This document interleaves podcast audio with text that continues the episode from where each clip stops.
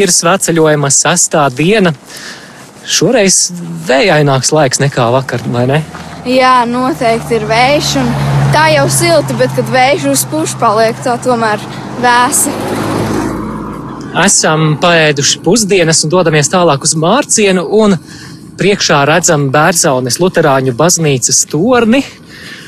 Bet uh, mēs esam ar Lindu šeit mazliet uh, aizgājuši nomaļus no grupas, lai mūsu svētceļojuma apsveikuma raidījums netraucē mums šo interviju veikt, jo mēs vēlamies iepazīties ar vēl kādu brīnišķīgu svētceļnieci. Saki, lūdzu, kā tevi sauc? Mani sauc Krista. Krista, daži jautājumi iepazīstot tevi, tēja vai kafija? Kafija noteikti. Rīts vai vakars? Vakars. Suns vai kaķis? Suns. Filma vai grāmata? Grāmata. Labi, un ko tu vēl gribētu klausītājiem pastāstīt par sevi? Um, Kas nu, ir Krista? Krista ir uh, cilvēks. Um, un ko es varētu noteikti gribēt pastāstīt klausītājiem, ka šis ir mans pirmais svētceļojums, kurā es piedalos. Un līdz ar to esmu pilnīgi atvērta visam, kas šeit notiks. Un, ar prieku gaidu došanos galamērķi. Tā, man aizlidoja vējā cepura Linda. Ies to paņemt. Jā, šodien patiešām ļoti vējains laiks. Kā, kā ir ar laika apstākļiem? Mums ir bijis lietus, šodien ir vējš, tev tie netraucē? Nu, šodien, kad ir vējains un man ir mana salmu cepura, uh, es arī nedaudz laiku pa laikam vaktēju, lai viņa neaizpūš. Bet uh, katrā gadījumā ir labāk tādā ziņā, ka ir atvēsinoši un nav ļoti, ļoti karsti. Tu minēji, ka šis ir tavs pirmais svētceļojums. Kā tu pieņēmi lēmumu, ka šogad dosies svētceļojumā? Nu, patiesībā šāda vēlme man radās jau pirms labāka laika, pirms trim gadiem, kad es domāju, ka es varētu doties uh, svētceļojumā.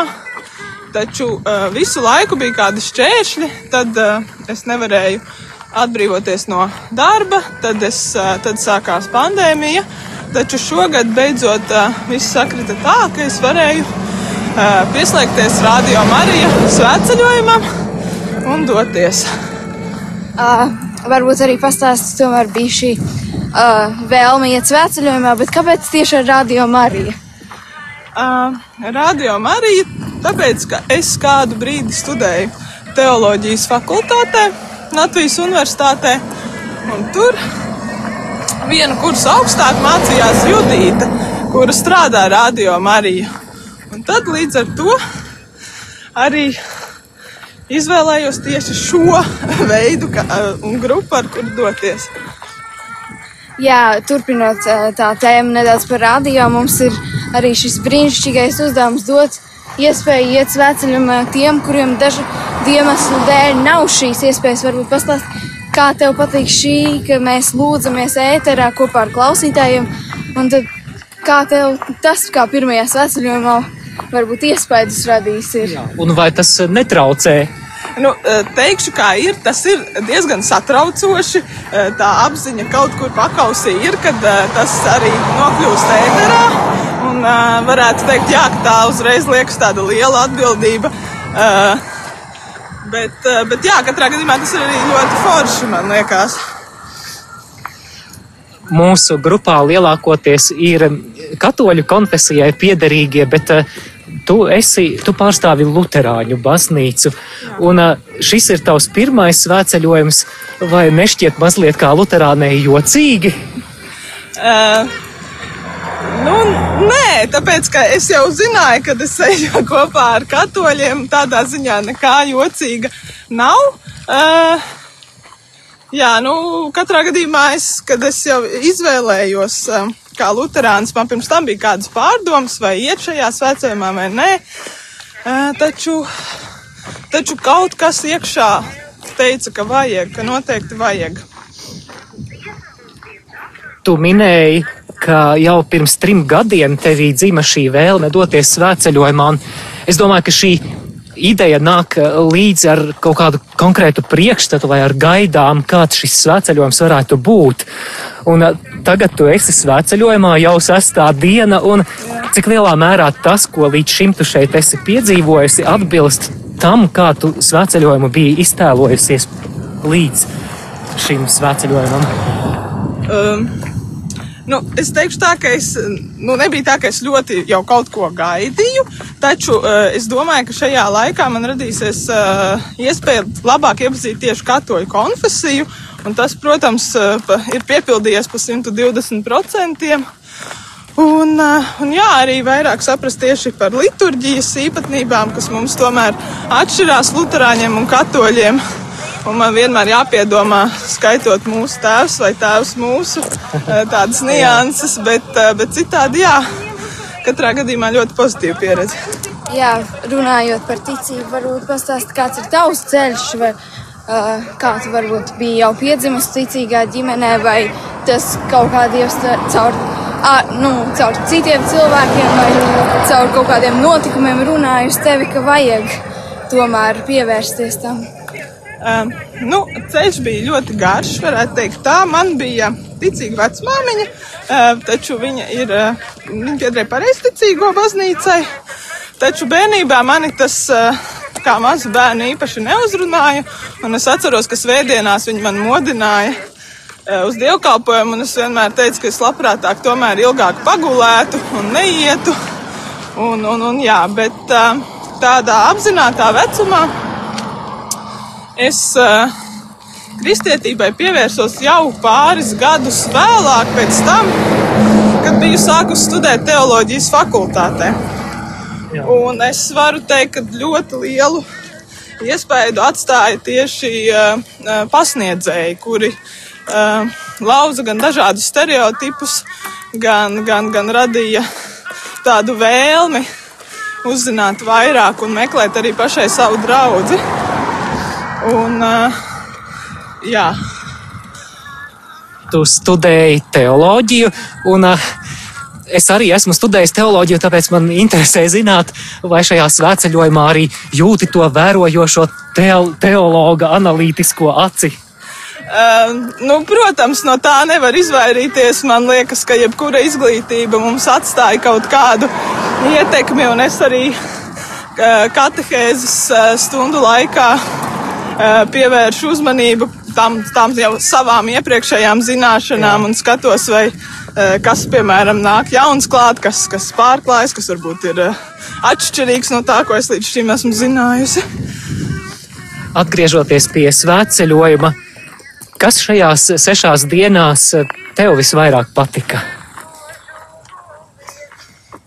Nu, es, man tā grūti izšķirt. Man patīk viss. Man patīk tieši tas, ka mēs ejam, ka mēs ļoti daudz dziedam. Jo, uh, lai gan arī nu, manā draudzē ir arī slavēšana, uh, taču man pietrūks varbūt jā, tādas ļoti, ļoti, kad, kad daudz dzied arī lūkšanas mums ir bieži, un tas viss ļauj gan garīgi, gan arī ķermeniski noskanoties tieši šim svētceļojumam un, un, un ceļam uz mērķi. Uh, varbūt klausītāji to nezina, bet mums svētceļojumā ir pieņemts, ka ir arī katru dienu tāda klusā stunda. Un varbūt pastāsti, kā tev viņas patīk, vai tieši varbūt otrādi nepatīk. Uh, man patīk, noteikti patīk. Uh, jāsaka tā, ka nevienmēr ir viegli nokoncentrēties tieši uz to, eh, ko priesteris Pēters mums iesaka, par ko padomāt. Taču tās stundas noteikti ir vērtīgas manai garīgajai izaugsmai. Mēs kādās brokastīs ar tevi runājām par tavām studijām arī Latvijas Mākslas akadēmijā. Atgādini, lūdzu, ko tu studēji? Es studēju, studēju jau pabeidzu mākslas vēsturi un teoriju. Man ļoti interesants šķiet tava diploma darba temats, un vai varētu klausītājiem vairāk pastāstīt, par ko tu rakstīji un ko pētīji? Tas bija ļoti interesanti. Jā, diploma darba tēma bija padomju laikā Latvijā tapušās altāra gleznas, un šo tēmu es izvēlējos daļēji arī tāpēc, ka pirms tam es biju studējis teoloģiju, un, un tas bija kaut kas, kā savienot gan manu interesi par mākslu, gan arī par, par reliģiju. Un tad, jā, taču šis periods, kas, kas Latvijā kā mēs zinām, bija padomu laiks un notika diezgan nopietna vēršanās pret kristīgo baznīcu. Un likās, ka šajā laikā baznīca bija izdzīvošanas režīmā, un tad par kādām uh, altārglaznām vai par kādu mākslas izaugsmu mēs šeit varētu runāt. Taču, jo vairāk pēta, jo vairāk uh, atklājās gan dažādas uh, liecības, gan, gan arī arvien vairāk un vairāk tieši šie sakrālie mākslas pieminekļi, un kopumā es esmu atklājusi aptuveni 130 altāru gleznas Latvijas teritorijā, kas ir, protams, ieskaitot arī sānu altārus un, un, un tā. 130, kas ir tapušas padomu, padomu laikā. laikā. Jā, no Jā. Čet, pēc 44. gada un pirms 1991. Jā, uh, mēs jau arī esam apstājušies uz nelielu tādu pauzīti un arī lūgt kunga žālsirdības kronīt, tad varbūt Krista var arī iedot klausītājiem tādu kā novēlējumu, dot ar, ko, ar kādu varbūt nodomu vai par kaut ko, pa, par ko padomāt varētu viņi nākamajās svētceļojuma dienās tad garīgi. Nu, es noteikti ieteiktu padomāt par to, ko mums katram atsevišķi nozīmē šī kristīgā ticība, kāpēc, uh, ko mums nozīmē Jēzus un kā tas izpaužas mūsu ikdienas dzīvē. Paldies, dosimies pie grupas, bet kamēr mēs uh, tuvojamies viņiem, vēl tomēr par tava diploma darba tēmu, vai tavs darbs notika kaut kur bibliotēkās, vai arī tu apmeklēji tās draudzes, kuru altāra gleznas bija tavs pētījuma objekts? Gan, gan. Man bija sadarbība ar manu diplomu darbu vadītāju, kas strādāja tobrīd tā saucās kultūras pieminekļu inspekcija. Un tad, protams, šai inspekcijai bija arhīvs un, un, un inspektori bija apbraukājuši baznīcas arī padomu laikā, un tad notika darbs ar šiem arhīvu materiāliem, bet es, protams, arī pati ļoti daudz braukāju. Uh, apkārt pa Latviju un, un, un, un satikos gan ar dažādiem mācītājiem, gan priesteriem un, un, un apskatīju arī visas šīs gleznas un fotografēju.